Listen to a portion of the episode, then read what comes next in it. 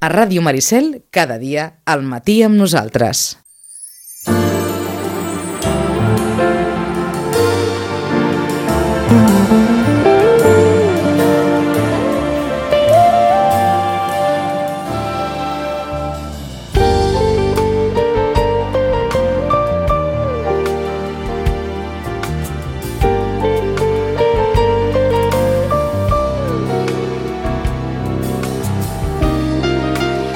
Doncs va, comencem l'Hora d'Europa, un espai que com sempre compta amb el suport d'Eurolocal i el seu responsable, Joaquim Millán. Joaquim, bon dia. Molt bon dia.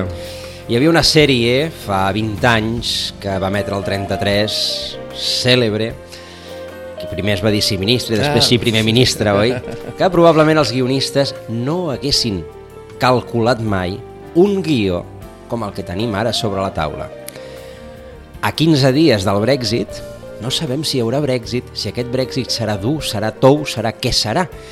Ahir Theresa May va perdre Una eh, sí. una votació, la votació que decidia si veure si aquestes quatre esmenes que, que va negociar com nocturnitat i alevosia gairebé amb Jean-Claude Juncker la nit de, de dilluns a, a Brussel·les servien per alguna cosa. I ahir el General Attorney, és a dir, el ministre de Justícia, perquè allà doncs, eh, van així, de, del govern britànic els hi va dir abans de la votació que això que hem negociat no és res, bàsicament, bàsicament. I aleshores què van fer?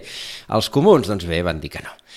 Uh, això no hagués passat mai aquí, eh? o sigui, aquí el ministre de Justícia no s'hagués atrevit mai a contradir una declaració d'un president del govern, que també ens diu molt, molt de com funciona el sistema britànic respecte, respecte del nostre, però, però ara que ja ens, ens posa davant de la, sobre la taula un i ara què, Joaquim?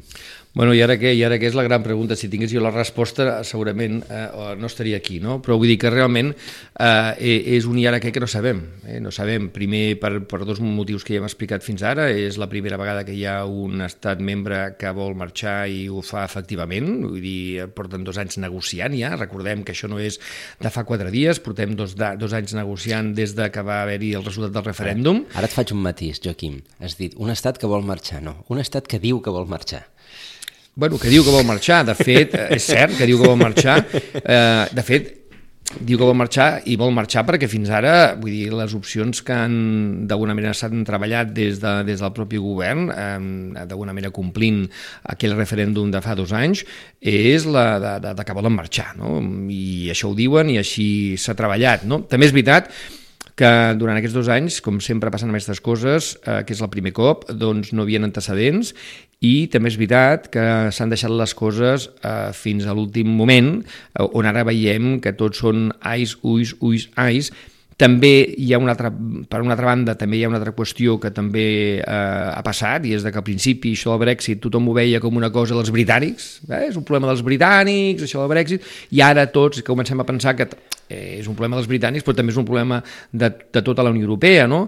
Eh, perquè, clar, depèn de com vagi, crearà també un antecedent de futur, depèn com, de com vagi, ens afectarà a persones conegudes que viuen a la Gran Bretanya o a anglesos que estan vivint al costat de casa nostra, eh, i per tant són col·legues i amics i amigues, i per tant estem veient que passi el que passi, no només una qüestió política institucional, sinó que hi ha uns efectes econòmics, per suposat, polítics, per suposat, però també socials, que poder és del que no se'n parla, però també socials. No? I aquí també jo penso que és una cosa que hem de, hem de posar sobre la taula. I a mi, sincerament, en aquests moments no, no tinc ni idea. Sincerament, no tinc ni idea. Eh?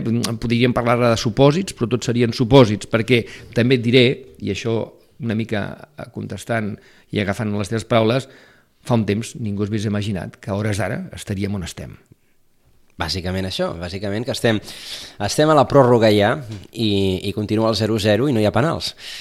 Um, a veure, uh, introduïm aquí el nostre primer contertulià, que és uh, el senyor Pau Solanilla. Pau Solanilla, bon dia. Hola, bon dia. Uh, Pau Solanilla, que és consultor internacional i emprenedor, i ens ha cridat molt l'atenció una, una qüestió de... de uh, doncs bé, en Joaquim sempre que uh, ens envia un breu, un, un breu perfil de les persones amb, la, amb les que parlem. I ens ha cridat l'atenció una frase eh, de, de Pau Solanilla, diu el meu propòsit es basa en la construcció de confiança entre persones, empreses i organitzacions perquè puguin aconseguir els seus objectius a través de la intel·ligència col·laborativa. Precisament el que no està passant amb el Brexit, oi senyor Solanilla? Efectivament, jo crec que, que el Brexit és el fracàs de, de la intel·ligència col·lectiva europea. Les relacions... Bueno, el projecte europeu és un projecte que surt de la, després de la Segona Guerra Mundial i bàsicament és un projecte de futur basat en la confiança. I com aquesta confiança avui dia està trencada, o podríem dir que la desconfiança és la paraula potser clau de les relacions polítiques i jo diria fins i tot socials i econòmiques, doncs estem en aquest punt. Clar, difícil, difícilment se li pot demanar a una ciutadania que confia en les seves institucions i les seves institucions es mostren tan maldestres a l'hora de gestionar una crisi política com aquesta. Efectivament. Sí, sí, els, els pares fundadors de la Unió Europea venien d'una guerra eh, terrible, no? Uh Mhm. -huh. I van ser capaços, de, a través del diàleg, eh, otorgar la confiança mínima a, a, a l'enemic, podríem dir, per construir un projecte nou. Això ha portat al, als nostres dies, hauríem de dir que allò que en diem l'interès general no és la suma de les parts, és la construcció d'un projecte nou, eh, precisament basat en la confiança. Jo cedeixo part de les meves aspiracions eh, per acceptar les teves i junts construir un projecte inclusiu nou. I això té molt a veure amb el llenguatge eh, de les institucions. No? Fa uns anys, el lèxic europeu, el relat, eh, les històries europees estaven basades en paraules com la cooperació, la, la, la cooperació reforçada, la solidaritat, i avui dia aquestes paraules, s'han fixat, que han desaparegut del lèxic mm. europeu. No? I això, i el, el, el, la crisi de la política i de la política europea té molt a veure amb, el, amb la crisi del lèxic no? que utilitzen els líders que, que estan a les diferents institucions. Uh, uh, la culpa de, de tot plegat, que, que pot probablement certificar-se en això que ens comenteu ara, en el lèxic, uh, és més d'un uh, ineficient sistema institucional o d'una mm, o d'una mala gestió gairebé personal per part de qui té l'encàrrec de liderar aquesta, aquesta situació. És a dir, és una qüestió més d'institucions o de persones? Jo crec que, jo crec que de les dues, però eh, les, les, les institucions, darrere les institucions hi ha persones. No? Uh -huh. eh, tots, eh, bueno, els més joves no se'n recordaran de Jacques Delors, eh, el president de la Comissió Europea durant dos mandats, que va exercir un lideratge extraordinari a la Unió Europea. I precisament per això, perquè tenia, tenia un llenguatge, tenia una energia, una visió, una, una, unes ganes de construir un projecte europeu que va ser acompanyat d'altres persones que estaven als, als estats, com a Helmut Kohl, Felipe González, François Mitterrand, Andreotti a Itàlia, etc. És a dir, certes persones que tenien lideratges eh, importants van sumar forces per construir un lideratge col·lectiu. És a dir, no li podem demanar a les institucions a tenir prestacions eh, de, de primera divisió, abans que parlàvem de futbol, quan els jugadors eh, estan pensant només en la, en la permanència, diguem-ne, eh, així no es guanya una lliga. És a dir, s'ha de tenir l'ambició, la visió de voler arribar eh, i de guanyar. I en aquests moments jo crec que els lideratges, en aquests moments i en els darrers 10 anys eh, o 15 anys, els diferents lideratges nacionals i europeus eh, han volgut, diguem-ne, sobreviure, no? passar per damunt dels problemes i no afrontar-los i sobretot construir un projecte comú dient-li la veritat a la gent, dient-li jo que sóc espanyol, jo que sóc italià o alemany, no puc aconseguir tots els meus objectius. Haig de cedir per construir un projecte col·lectiu. Però què, què ho fa que no tinguem ara aquests, aquests lideratges? Que doncs, tenim una generació menys formada o menys ambiciosa o, o, o que les persones que realment podrien exercir aquests lideratges doncs, prefereixen dedicar-se a altres coses? Bueno, jo, jo crec que hi ha... Bueno, eh, jo crec que la, la política està bastant desacreditada, no? És a dir, en general, sí. Allò que diem la reputació, un, un, va una, un, un intenta anar a un lloc on li doni una certa prestància, no? On, on puguis brillar mínimament i en aquests moments, diguem la política i les institucions, inclús les institucions europees, no, no, no, no són allò que eren abans, no? en termes de reputació personal o, o professional. Però això és la conseqüència, i això és una, un relat o una visió personal, fa 10 anys vaig publicar un llibre que es deia Europa en tiempos de còlera. Em anàvem a fer referència, és a dir, que, sí. que de fet podem, podem continuar pel fil per aquí, correcte. Efectivament, no, i, i la meva tesi en aquell moment era que, bueno, allò que era el, després de la caiguda del mur de Berlín, que el capitalisme financer eh, ens va construir una història, un, com es diu ara storytelling, un relat del món basat en, en, en les finances que va acabar amb el 2008, amb la crisi financera 2008 i, i una crisi econòmica, política i social terrible. És a dir, jo crec que d'aquell procés dels anys, eh, dels dos, del, de la primera dècada de l'any 2000, que semblava que tots seríem superrics, i va caure eh, a plom, eh, d'aquella època venen molts dels problemes que tenen que tenir avui dia, perquè les institucions van acompanyar aquell relat de, del capitalisme financer que es va demostrar que ha sigut un desastre. I llavors aquí surt la, la descomposició i la desconfiança de les institucions. No? Eh, no sé si se'n recorden que en Sarkozy en aquell moment al Parlament Europeu va fer un... Jo, jo hi era al Parlament Europeu, estava treballant i va dir reformarem, reformarem el capitalisme. No? I, bueno, el capitalisme ha reformat les institucions, no? Així, eh, hem de tornar a, a, a, a, a, a anar enrere d'algunes passes per tornar a construir els valors fonamentals de la Unió Europea, que no els hem d'inventar, si els, els teníem, no? Els teníem, el que passa que hem de tornar una mica a, la, a les fonts que van fer gran Europa. No? Doncs eh, hem, hem traspassat un punt de no retorn de la confiança sobre aquestes institucions o fins i tot del descrèdit d'aquestes institucions? Home, jo crec que estem, estem bastant malament. Jo, jo no diria, no, no hi ha res que sigui remediable, eh, però jo crec que costarà molt. Costarà molt perquè construir una governança a 28 països no és senzill. ja no ho era 15, eh, després no, no, eh, no, no ho era 20, a 25 amb la primera ampliació dels països de l'est i ara són 28. No? I eh, perquè perquè el procés de presa de decisions és complex a la Unió Europea, encara que hi ha majories qualificades, i en aquests moments tenim els estats lideratges que no estan pensant en Europa, a Polònia, a l'Orbán, a Hongria, a Itàlia, eh, etc. No? És difícil, no? És, jo crec que serà difícil tornar a construir una Unió Europea forta i amb reputació. Ara, no podem deixar d'intentar-ho. Els europeistes eh, som europeistes en, en dia a dia, no? és, un, és una forma de vida, no?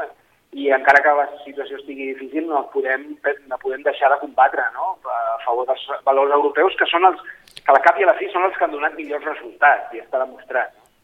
Uh, en Joaquim Millan sempre ha estat un europeista convençut, uh, tot i que s'ha convertit en un europeista escèptic. Uh, ho, dic, ho dic perquè és que molts europeistes que, que evidentment han, han agafat de sempre aquesta bandera sincera de, de l'europeisme com a, com a doncs, eh, objectiu per, per construir una, eh, una societat millor, mm, ara es troben eh, en què hi ha unes institucions que no responen a aquestes expectatives. Bueno, és el que jo coincideixo una mica amb el Pau, que deia que al final ens hem tornat, ens hem tornat amb europeistes de, tocant de peus a terra dia a dia, veient que poder aquest relat que pensàvem que ja havia d'alguna manera arrelat eh, a la societat europea, a les institucions, en els estats membres, etc, doncs no, no ha estat així. Llavors eh, s'ha de tornar a lluitar amb una batalla difícil que és tornar a incorporar aquella ànima europea, aquells valors europeus que pensem que són una mica l'essència d'aquest eh, projecte europeu pel qual eh, hauríem d'estar tots d'acord i intentar negociar i debatre i reflexionar per trobar un camí a aquests 28 estats avui en dia eh, que sigui comú a tots els, aquests 500, més de 500 milions d'habitants que composen aquesta Unió Europea. No? Però, clar, també és veritat que als últims temps la realitat fa eh, que bueno, t'emportis algunes decepcions, que jo m'hi he portat, desgraciadament, perquè he vist que, eh, bueno, el que deia també el Pau, en un moment donat, a poder, la, la, la, el que s'ha reformat són les pròpies institucions, evidentment la qualitat política dels lideratges mm, deixa moltes vegades molt que desitjar, i també és veritat que a nivell europeu eh, s'ha perdut aquella prestància que hi havia de dir, bueno, és que això ho està dient la Comissió, ho està dient el Consell, ho està dient el Parlament, i els estats, eh, per sobreviure, que aquest és un altre segon problema, eh, estan utilitzant les institucions europees, com deia també el Pau, no només amb fins europeus, que era el que hauria de ser, sinó amb, amb, amb finalitats, moltes vegades per eh, salvar-se ells o per cobrir-se ells en els seus propis estats. I això, per mi, ha estat eh, el més greu que ha passat els últims temps. No? I, I torno, i aquí acabo, el Pau deia els lideratges i parlava de el Delors, el González, gent que moltes vegades la gent jove ja ni coneix ni se'n recorda. Si ens hem de, quan parlem de lideratges europeus, hem d'agafar eh, el llibre d'història i parlar de fa no sé quants anys, inclús la Margaret Thatcher, que el Pau no ha comentat, bueno, era, una líder, era una líder en aquell moment que volia un altre model d'Europa, però tenia clar quin volia. Ara, per exemple, el Brexit no sabem molt bé qui, quin model volem. En aquell moment la Thatcher, eh, malgrat tot, eh, ella tenia un model d'Europa que no era el meu, però el tenia també, no? I, I també a vegades tindre un bon contrincant fa que tu també treguis el millor de tu, no? I per tant els lideratges eren forts en tots sentits. Avui en dia no. I aquest és també un altre, eh, un altre problema que tenim, no?, de, de, de lideratge europeu. No, Pau, tu com ho veus? Sí, sí, efectivament. No, no, necessitem algú que sigui capaç de trencar el sostre de, de, de vidre, no?, en aquest moment té la, la Unió Europea. Ah, segurament en el curt termini no ho veurem, però jo sóc, és a dir, eh, abans de que el Quim era escèptic, home, tots ho som una mica, però jo crec que hem de donar un missatge de confiança. Tenim una extraordinària força en el si de la Unió Europea oculta, que són els 5, més de 5 milions de joves que han fet un Erasmus. En aquests 30 anys, darrers 30 anys, 5 milions de joves han viscut el millor, la, la, el millor que té la Unió Europea, que segurament que és el programa Erasmus. Aquesta gent ha d'arribar mica a mica a les institucions i als llocs de poder. Jo, jo sóc molt optimista que aquesta gent construiran una Europa diferent. No serà la que nosaltres hem viscut, ni aquella que dèiem del Delors ni el González, serà diferent. Però aquesta gent té a l'ADN eh, Europa perquè segurament el millor moment de la, un dels millors moments de la seva vida el van viure gràcies a un programa europeu. Jo crec que, que aquestes, aquestes generacions, perquè són vàries, eh, ens han de donar una mica d'optimisme i els hem de donar l'espai perquè puguin fer coses diferents del que estan fent ara els lideratges actuals. És a dir, estaríem, mm, a partir d'aquesta tesi, com en un període de transició entre el, el període, diguem, fundacional de, de la Unió Europea dels, doncs, de, de les vaques sagrades, des, de, des del projecte fundacional contra les guerres fins a, la, fins a les primeres grans ampliacions, i ara aquesta mena de, de terra de ningú fins que arribi doncs, la gent que realment s'ha format en l'educació del projecte europeu, que serien la gent de l'Erasmus. Crec que una bona radiografia, no? I el, el vell món o la vella Europa no acaba de morir i la nova no ha acabat de néixer, no? I uh -huh. estem en aquesta transició i amb un element, o amb diversos elements, que ja és tot el tema de la digitalització, la transformació digital, no? que això també eh, haurem de veure quin impacte té eh, no només a les economies i a la vida de les persones, sinó també del projecte europeu. I els, no? i els, perills, i els perills externs que, ah, que també assetgen, és a dir, la, la puixança o les guerres econòmiques que puguin establir els països asiàtics, eh, amb Nord-Amèrica, eh, i la situació en la que quedi, que, en la que quedi Europa, el, el vesper sirià, tot, tot plegat. Sí, sí, efectivament, però, però per això serà una Europa diferent, que ara segurament no la podem ni, ni visualitzar ni imaginar, però jo crec que hem de, hem de, hem de ser optimistes i sobretot eh, sempre diem que els joves són les generacions millors formades d'Europa. Eh, els hem de, tornem a l'inici de la conversa, els hem de donar confiança. La confiança és el ciment de totes les relacions humanes, institucionals, polítiques i econòmiques aquests joves han de, han, han de tenir l'oportunitat i els hem d'otorgar un mínim de confiança perquè demostrin el que poden fer. Però si, el, si, si tothom és sus, eh, allò, sospitós de fer les coses malament fins que no es demostri el contrari, així no construirem confiança. Hem de, hem de donar espai perquè surtin nous lideratges, que tinguin el dret a equivocar-se, perquè també t'has de poder equivocar en alguna cosa i que no et matin pel camí, però jo, jo soc molt optimista que aquestes, aquestes generacions, per exemple, de gent Erasmus, eh, faran una nova Europa diferent a la que veiem avui dia. És, és curiós perquè, mm, tanmateix, eh, la generació que hi ha ara al poder, que seria, podríem definir-ho com la generació del JASP, allò de los jóvenes aunque sobradamente preparados, realment eh, eh, doncs ha, ha sortit figa. No, és, és aquesta generació que no, que no, que no s'ha imposat o que, o que ha tingut aquests lideratges eh, febles, erràtics eh, i, i fins i tot desprist, eh, de, desprestigiadors de les, de les pròpies institucions.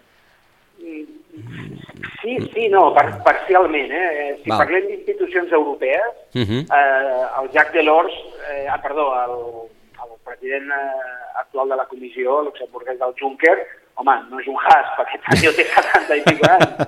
Eh? El, Don, el, el Donald Tusk, el president del, del Consell Europeu polonès, tampoc ho és. Mm. Eh, L'única cara, diguem-ne, d'aquesta generació, a més que amiga i companya, és la Federica Mogherini, no? que a més bueno, està fent coses interessants, no? A nivell europeu, parlo, yeah. no? I no la deixen eh, massa, i no la deixen massa, pobra. Eh, efectivament. Per això, per això vull dir que siguem justos, eh? encara, encara les institucions europees estan en mans de generacions que no tenen, que no han viscut aquest, uh, aquest esperit europeu. Eh? Eh, per això, diguem donem, donem un vot de confiança a, a, a les generacions que venen. Siguem optimistes. Jo crec que ho hem de ser perquè jo crec que el que sí que seria molt interessant és que en poc temps ser europeista tornés a ser un valor afegit. És a dir, jo me'n recordo que quan em deien, ostres, Joaquim, tu que ets europeista, i em miraven en, en que això era una, un, un, un punt a favor, eh? era positiu, eh? era eh? un valor afegit, ara els darrers temps no ho és, va, tu ets europista, defenses tot això el que està passant, a mi m'agradaria que en poc temps tornéssim a mirar-me a mi, hòstia, el Joaquim, eh, l'europista de tota la vida, que ostres, això torna a estar eh, una altra vegada de moda, torna a estar, tornem a creure'ns que tenim projecte, que tenim relat, el que deia, el que deia el Pau, no? al final, és tornar a tenir una reputació, les institucions i el relat europeu té que tenir un altre cop una reputació suficient perquè la gent torni a confiar que amb aquests valors europeus i amb uns nous lideratges, que aquí és el, el hàndicap que tenim, podem tornar a tindre un model europeu diferent al que hem tingut els últims temps i més adequat a les demandes, necessitats i, i anels de la societat. Estem, estem visquent encara amb aquests temps de còlera que, que descrivíeu fa 10 anys? Eh, sí, sí, sí, jo crec que, que encara hi és. De fet, aquell llibre eh, va ser escrit en un moment que jo estava treballant al, al Ministeri d'Afers Exteriors preparant la presidència espanyola de la Unió Europea. Uh -huh. I, i d'alguna forma ja es veia que si no fèiem alguna cosa diferent, eh, la gent eh, doncs donaria un pas enrere i, i, i, i és el que ha passat. No? I jo crec que avui dia veiem a, a tot el món, no només a Europa, no, amb l'emergència de l'extrema dreta, d'una no, una certa fascinació de nous lideratges, eh, diguem-ne, autoritaris o caudillistes, no? diguem-ne, Bol, eh, Bolsonaro a Brasil, Donald Trump als Estats Units, eh, a Itàlia, el Front Nacional... Eh, ja la gent, la gent està buscant un tipus de lideratge teòricament forts, no? que, que pensen que poden tornar als, als vells temps, no? i els vells temps no, no tornaran. No? Jo crec que hi ha una, hi ha una rebel·lió contra les èlits, Uh -huh. I això encara durarà una mica, per això la necessitat de, de trobar nous referents. Però els nous referents no sortiran de grans personalitats. Jo crec que hem de tornar a posar en valor les petites, grans històries que hi ha i, i gent que està fent coses interessantíssimes i que té lideratges no a nivell europeu o nacional, però que estan liderant empreses, associacions, eh, regions, etc. Hi ha gent amb, amb, amb molt, molt interessant arreu d'Europa, no? però hem de, hem de posar en valor aquestes petites, grans històries perquè aconsegueixin donar un pas endavant i, i, i esdevinguin grans històries. No? I, i, I aquell llibre, en aquell moment, donava un toc d'atenció dient estem perdent la batalla de la comunicació i de la reputació. I, efectivament, lamentablement, és el que ha passat. Per això hem de tornar a guanyar la batalla de la comunicació, del relat, del llenguatge, les persones, els marcs mentals de les persones es construeixen amb imatges i amb el llenguatge. Si els, els responsables polítics institucionals utilitzen un llenguatge negatiu i pessimista, els marcs mentals de la societat caminen en la mateixa direcció. Sou, tornem... Perdó. Uh, sou més optimista ara que fa 10 anys? Uh, bueno, jo crec, jo crec que, jo crec que aquesta, estem encara lluny de, d'erradicar el còlera ciutadà. No? Val. El còlera ciutadana. Jo crec que encara queda, queda una mica, no? Queda una mica, encara hi ha tensions que gestionar. Doncs eh, interessant i bé, encara que eh, doncs no hagueu volgut ser explícit en la, en la part final, sí que ens quedem amb, amb això, la generació Erasmus, que és la que doncs, eh, té a la seva mà intentar revertir aquest descrèdit evident i percebut per tothom que estan tenint les, les institucions eh, europees. Us, acaba, us acomiada en, eh, en Joaquim, Pau. Moltes gràcies, Pau, ens veiem aviat. Gràcies per la invitació i molt de gust. Molta, moltes gràcies i fins, i fins una altra vegada. Fins la propera.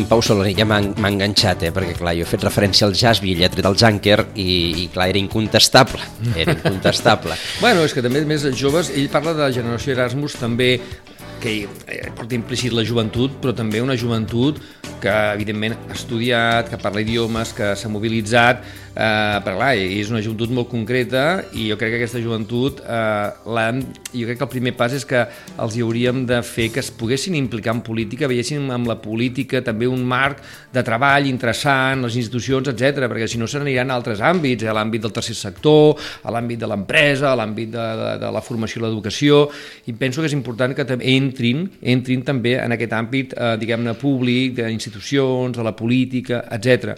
I jo crec que ho hem de fer suficientment atractiu perquè aquesta generació Erasmus també entri en aquest àmbit, mm, que és el que una mica el Pau referi, es referia, no? Uh -huh.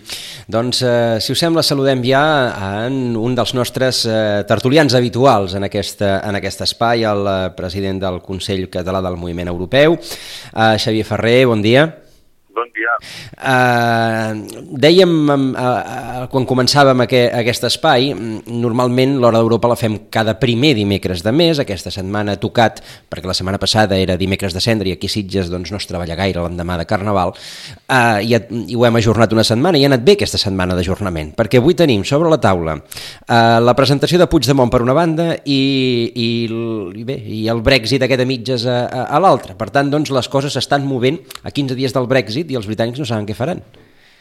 Sí, sí. Encara hi ha més, hi ha més coses. A Europa passen moltes coses. Per això, eh? moltíssimes. També, a part, a part d'aquestes dues, que les comentem, uh Mhm. -huh. eh, també fa una setmana, deu dies, hi va haver una posició, una carta de Macron a molts diaris europeus que se n'ha parlat de que és una aposta de França per rellençar la Unió Europea, que ja fa falta, no? I està per veure si Alemanya s'hi apuntarà, aquesta Alemanya que va, Merkel va deixant el seu lideratge i sembla que qui l'ha substituït no està per, tant per la labor com estava ella. Per tant, un- una mica el destí d'Europa també està aquí, entre França i Alemanya, no? I, òbviament, amb la votació de Westminster, eh, que és a l'entorn del Brexit, també hi ha una mica la, el destí d'Europa aquí, perquè tot el que pugui passar amb el Brexit doncs, eh, afectarà afectarà i ara s'obren des de la votació d'ahir tres escenaris. Eh? Eh, veurem si quin, quin agafa més força. Un seria el Brexit dur, que vol dir que se'n van sense acord el 29 de març, que seria un desastre, la meva manera de veure, pels britànics i també pels, pels ciutadans europeus i empreses. Una altra postura pot ser doncs, que es demani un allargament de la data, d'aquest 29 de març que, que es retardi, però clar, si es retarda un mes no es farà res, si es retarda més, eh, al mig hi ha les eleccions europees i es planteja el Regne Unit tindria que tornar a votar les eleccions europees, ara ja no hi serà. Per tant, hi ha moltes incògnites també i una altra seria doncs, doncs eleccions i, i demanar un segon referèndum, veurem què passa amb el Regne Unit. Eh? Eh, certament, eh, I- és, és paradoxal eh, que probablement el, el país més civilitzat d'Europa eh, des del punt de vista de, de respecte a les seves pròpies institucions eh, hagi, hagi muntat aquest, eh, aquest embolic monumental. Sí, però, però bueno, no perdem de vista que aquest embolic eh, ho és, però l'estan gestionant des del punt de vista democràtic. Eh? Sí, sí. Ells, ells prenen el respecte a, una, a un referèndum que van fer eh, i eh, tot es basa en, en, en això. O sigui, hi ha diferents posicionaments, interessos i condicionants dintre dels partits eh, i eh, britànics eh, i dintre de cada partit també ho propicia que el, el sistema polític anglosaxó és molt diferent del d'aquí, que ningú es mou en un partit, mana un i tots creuen, allà no és així perquè les, els, els electors elegeixen els seus representants per comptats, per, per, per, per tant, tenen una certa, els membres d'un partit tenen molta, diguem, llibertat i no, i no actuen. Molts han votat contra el projecte de, de May, però jo no hi veig una, una manca de democràcia dintre de tot aquest procés. Sí que hi ha unes divergències polítiques. Eh?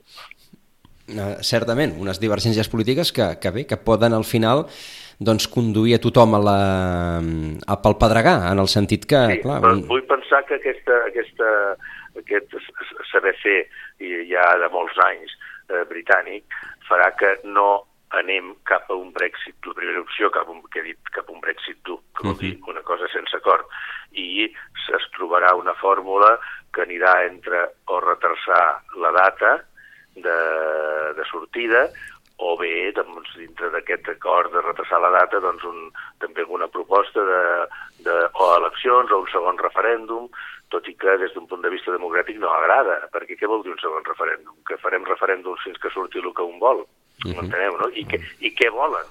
Tornar a la Unió Europea? Alguns sí, Clar, no, imagi... Alguns sí, o, o, imagi... no. O imaginem que el referèndum llavors es guanya al revés, però també Clar, per dos dècimes. Ah, doncs llavors també sí, tinc el dret, com que tampoc s'ha guanyat per majoria no, allò aclaparadora, exacte, tornem a fer un altre referèndum dintre d'un any? Des, i, I després hi ha una cosa que està passant amb els darrers, diguem, referèndums, que com, com posant, per exemple, el de, el de Colòmbia, no?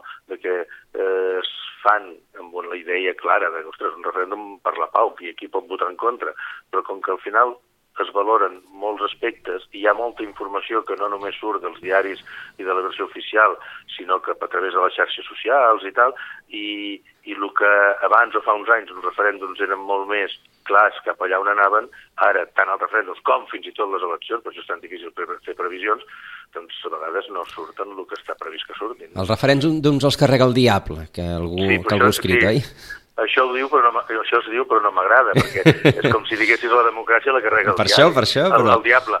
El referèndum és democràcia. Eh, quan preguntes ves a saber què passa, no? Sí, però... el, el, el problema no és tant preguntar com la dicotomia en la que et posa la pregunta. És a dir, la... Sí, clar, clar. I, I el que es fa servir, aquella pregunta, per altres coses al marge de la pregunta. Mira, si recordem, si recordem el referèndum a França de la Constitució Europea, això Quim, que hi va estar-hi, ho recordarà perfectament, eh, al final era eh, era clar que havia de dir que sí, i va sortir que no. Uh -huh. Per què? Perquè al final el, el Partit Socialista s'ho va agafar com una cosa interna d'anar contra el president en aquell moment, que era el Chirac, i fins i tot va votar en contra, uh, sí, però per, per, per, en clau interna. Sí, dos països van votar en contra, França i Holanda, dos a favor, Espanya i Luxemburg, i el resto ja no va fer de referèndum, per dir no fem referèndums, sí, que això és complicat. Però, però llavors... Perquè no, algun dels no valorava el que, el correcte, que correcte, correcte. Però algun dels països, no sé si va ser França o Holanda, va tornar a fer un segon referèndum. No, això va ser retrés, Irlanda, no? Irlanda, perquè quan sí, ja va haver-hi el tractat, ja no la Constitució, el tractat de Lisboa, eh, l'únic país europeu que resulta que un tractat internacional l'ha de votar en referèndum eh, és Irlanda. I llavors el resto pues, van aprovar per als altres mètodes que tenien, legals i jurídics, i Irlanda va fer eh, el referèndum que el va perdre per poquet. I llavors, és clar, durant nou mesos va estar tot parat, perquè també diu la llei que fins nou mesos no tots, no pots tornar a fer un altre referèndum a Irlanda sobre el mateix tema, i allà llavors la gent es va remengar sí. perquè es votés que sí, perquè és que si no, ni tan sols el Tractat de Lisboa actual eh, hagués tingut, eh? Sí. Sí, però clar, és, estem, estem a la mateixa. Al final es va preguntar dos vegades perquè sí, sí, la primera sí, sí, no havia sí, sortit sí, sí, el que tocava. Correcte, no? I a més a tota Europa paralitzada per el que havia passat a Irlanda, no? que també, bueno, aquestes coses passen. No, no, no això recordo, fent memòria, que, que estàvem parlant de que, perquè va ser molt ajustat, que, no sé, eh, jo crec que pocs milers de vots tenien eh, tota Europa eh, mirant a veure què passava. Correcte, eh? sí, sí, sí. sí. Bueno, Però la... res, no sé si arribava a 2.000 vots. Eh? eh? La, la qüestió és que eh, falten 15 dies, el més calent continua a l'aigüera, i això sí. quan, ja ens preocupava quan faltava un any, i, eh, a, a falta de 15 dies ja no sabem què dir. Uh, és, és impossible fer cap pronòstic. Si tinguéssim una bola de vidre ja se'ns hagués trencat, probablement. Sí, sí, sí. I, i per, Però, per tant, no, confiarem, no? Sí. No, però jo ara, ara recordo una, una, una conferència, un debat que vaig assistir, que nosaltres ho parlem des d'un punt de vista doncs, de, de debat i tal, però eren, hi havia empreses britàniques i, una, i gent implicada amb, amb, amb el que serien les transaccions econòmiques, i estan molt preocupats. Clar. Estan, molt, preocupats. estan fent plans de contingència, perquè com que no saben què passarà, han d'estar preparats. Què vol dir això? Per exemple, un Brexit vol dir que bueno, posaríem fronteres i un camió en una zona d'entrada de, de, passen, no sé, ara per la xifra potser m'equivoco, doncs 10.000 camions cada hora, per exemple, no? Doncs si hi ha fronteres passaran, en comptes de 10.000, doncs 500, no? I llavors eh, això vol dir que les mercaderies que porten es poden, d'entrada, algunes arribaran tard i altres a part d'arribar tard, es poden perdre si són de consum, no? Per tant, hi ha molt, molt, molt en joc aquí. Mm. Per tant, el, els, els empresaris, diguem, estan eh, una mica, doncs, eh, britànics, parlo, eh, una mica aturats de que, com pot ser que la política, i parlen amb els polítics i et diuen no, diu, és que tothom vol una solució, però les, les seves, els seus problemes interns polítics fan que això sigui complex. Jo vull pensar que, que, que, que, que es trobarà una, una solució que probablement passarà per allargar aquesta data, uh mhm. -huh. del 29 de març. Ens apuntava una altra, una altra eh, qüestió, que és la, la carta de Macron i la, eh, la resposta tíbia, feble, ara no recordo com es diu, perquè han, eh, té un nom molt, molt sí, complex sí. de recordar, que em sembla que l'acabarem dient per les inicials, però bé, la senyora Anet, eh, sí. més coses, que és la, diguem, la candidata a substituir eh, Angela Merkel al capdavant de la Cancelleria. Mm. Sí, que aquesta carta d'alguna forma ja no sé, eh, no, jo no conec que Merkel l'hagi comentat, però sí que l'ha comentat aquesta altra, la, la, que serà, la que serà la seva substituta. I, uh. -huh. I no sé, a mi jo hi veig un, un europeisme no tan clar, no? De, com, com si com si no hi hagués una, una bona ententa o, o com si hagués fet aquesta carta sense consultar-los amb ells. No sé, algo, algo que en principi no és bo per, per, per, per la idea d'Europa, evidentment, no és res més que una carta i un posicionament que, que també es pot emmarcar dintre d'una uh -huh. situació interna del Macron que necessita un lideratge també intern, no? Uh mm. -huh. amb tot el que té de les armilles vermelles i tot això, i davant les eleccions europees que venen, que hem de tenir en compte també que el seu partit eh, no té a hores d'ara, perquè no, no existia fa cinc anys, cap representant en el Parlament Europeu, per tant haurà de fer alguna alguna, alguna coalició, alguna, alguna proposta, i això podria ser també un, una, aquesta carta en l'entorn d'un europeisme interessat d'ell, no? Clar, és a dir, que al final hagi fet la carta per consum intern i, i aleshores als alemanys no els hi hagi agradat trobar-se bueno, amb una carta per consum intern. Això ho interpreto jo com un altre analista ho interpretarà potser d'una sí, altra sí. manera, però, però una mica coneixent l'escenari, o, bueno, coneixent, o intentant interpretar l'escenari europeu, doncs pot haver-hi aquesta consideració. Sí. Uh, sí que es deia que, que Merkel o s'havia apuntat que tindria ganes de, de fer les maletes cap a Brussel·les, cap a alguna institució. Que el que porta 20 anys mm. eh, tindrà ganes de descansar una mica, no sé. I tant, de fet, de fet vull dir, pobre, porta el pes de, de com, es sí. com es va gestionar inclús la crisi econòmica europea sí. fa poc, que li tocava fer un paper allà una mica en solitari, no? que, que tothom... No, no, que sigui ella, que sigui ella la que doni les males notícies, no? diguem-ho així col·loquialment, i després el del cas intern, pensem que... Sí, que, que refugiats... Clar, els refugiats, eh, que és la poder, la, la, la, la, la persona eh, o el líder, el líder europeu, el país europeu que aquest tema l'ha gestionat molt millor amb el que es va arribar a un acord eh, en el Consell, és poder el que l'ha desgastat més externa i internament, eh, justament eh, haver complert eh, amb, les, eh, amb les obligacions que van adquirir sobre aquesta qüestió. Sí, sí. Eh, cosa que altres han passat de puntetes i... Per això que, que, que jo no, bueno, no, la, no la conec personalment, però podria ser que, que també li vingués bé, un, a part de que se'n va d'aquí dos anys o tres, eh? no, no és demà passat. Eh? Sí, sí, però ho ha, ha, ho ha, ho ha anunciat amb temps. Ho, ho ha explicitat, sí, sí. Uh -huh. sí, sí. També està bueno, bé això, per, eh? Per, per assegurar també un lideratge del seu partit eh, que, que es pugui anar eh, aquestes sortides lentes. A vegades aquests líders, el problema que tenen, aquests líders tan potents, i tenim molts exemples, podríem dir Felipe González o d'altres, no, no només amb el tema polític, sinó fins amb els temes eh, socials, eh, el problema que tenen, com porten molts anys, és la seva substitució, i jo crec que Merkel ho fa bé. Senyors, jo me'n vaig d'aquí tres anys i ja poso una persona que, que irà fent, no? I per tant serà un, un, una, un, un canvi, diguem, dintre del seu partit tranquil. Eh, Això per és cert, important. Per cert que la seva successora, perquè hem apuntat el nom però no l'hem sabut dir, i és que és complicat, és la senyora Annegret Kramp-Karrenbauer, és a dir que AKK, AKK, que alguns mitjans ja la defineixen així, perquè és la manera més fàcil de dir Annegret Kramp-Karrenbauer, que és AKK, està bé, AKK. Uh, va, uh, apuntem també la, la, qüestió, la qüestió Puigdemont. Uh, el president doncs, a l'exili uh, va anunciar que es presentaria a les, a les eleccions europees amb la intenció d'obtenir l'acte de diputat i que aquesta li serveixi com una mena de, eh, de, de salvaguarda per poder tornar a Catalunya eh, sense el risc de, de ser detingut. De fet, ahir a la tarda, curiosament, la web del Parlament Europeu canviava els termes del significat de la immunitat. Vol dir que alguna cosa s'estan movent en vestidors, perquè això si no, no passa. O sigui, que no, una, una web no es canvia d'avui per demà perquè hi ha hagut un anunci, oi? Uh, què, què, què enteneu que, que hi ha al darrere de, de, de tot plegat? Home, jo de, de, de, de, de, la, de la situació de, de Puigdemont respecte a, la, a, a presentar-se a les eleccions europees hi veig, comentaré el que comentem, però hi veig una altra anàlisi intern de Catalunya que, que és prou interessant. Començaré pel segon. Home, a veure, eh, la Unió Europea és una unió d'estats. Eh, llavors, eh, tot això, és, tot això que passa en Catalunya i Espanya li és incòmode, l'incomoda, i hagués preferit, eh, segur, que eh, hi hagués hagut diàleg i hi hagués hagut un acord. Per tant, la posició ara de, de Puigdemont incomoda el que és la, a, la, a, la, a, la, Unió Europea. I, des del punt de vista del Parlament Europeu, no, no, no era coneixedor d'aquest canvi que comenteu, bueno, doncs hi ha una majoria, que és del Partit Popular Europeu, i ha, doncs, bueno, potser doncs, per aquí han canviat.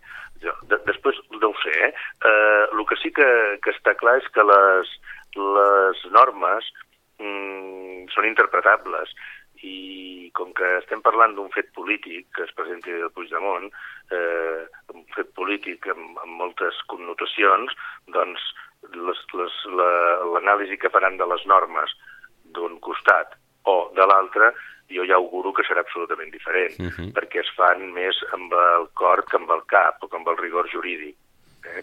I per tant veurem, és, és normal que Puigdemont digui tornaré, perquè és veritat que això, aquest concepte d'inviabilitat, jo no soc advocat, no sé fins on arriba, ni sabria analitzar la norma, però segur que es trobarà la, la fórmula jurídica o explicativa de que no, no, no, hi vaig sentir no? una anàlisi que deia que, que es tenia que venir a l'Estat a recollir la, la credencial, no? Uh -huh. I abans de, abans de tenir la immunitat. Sí, sí, feien, feien, feien servir allò la, la, la preposició alante. I què vol dir ah, ante? Ante vol dir estar davant d'algú o simplement present, enviar uns papers? Clar, és... Per tant, a veure, el, el, el tema és polític, com tot el del procés eh, eh, català, i a partir d'aquí cada un pren la, les posicions que d'alguna forma, que des del punt de vista polític eh, li interessen li, o li convenen més o, o, o pensa més. Això és una cosa. L'altra l'altra que, que, que vull també apuntar... Uh -huh. que Ràpidament, perquè estem a punt d'acabar.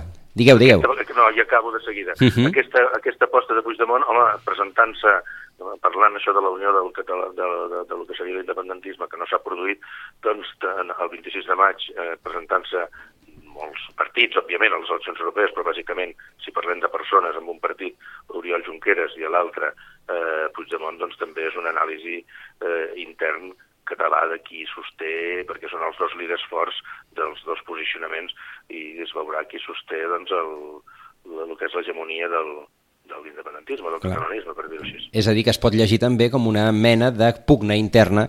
Bueno, eh, mesos o uh -huh. dos mesos i mig, però jo crec que, que servirà aquesta, aquesta anàlisi almenys. Eh? El que sí que és veritat és que aquestes eleccions europees que es preveien descafeinades, a 21 generals abans, la que coincidien amb les municipals, probablement no ho seran tant. No ho sé, jo -huh. penso molt diferent en sí? aquest aspecte. Sí, perquè al haver-hi les generals eh, eh, limiten molt eh, fins i tot la propaganda i fins i tot a nosaltres que volíem fer molta activitat Ah. de, en pro de les eleccions europees, doncs molts ajuntaments així ens diuen que estan liats ja amb les, amb, amb, les, amb, les, amb les generals i amb les municipals. Ho, di, ho diré d'una altra manera. Probablement eh, es parlarà poc d'Europa, però molt de les eleccions. És probable, sí. Segurament, segurament. Xavier Ferrer, moltíssimes gràcies per aquesta, per aquesta estoneta. Gràcies, Xavier, ens veiem A aviat. vosaltres. Adéu, adéu. Joaquim, moltes gràcies també. Fins la propera. Fins la propera, el mes que ve. A veure, a veure, a veure, toquem fusta si el mes que ve podrà ser des de Brussel·les. Per què no? Per què no? A veure, a veure, que, que faltarà poc per les eleccions. Que passin.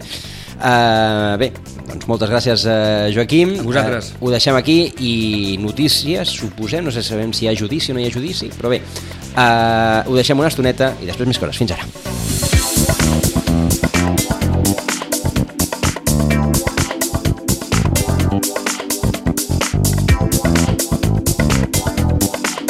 Ràdio Maricel, cada dia, al matí amb nosaltres.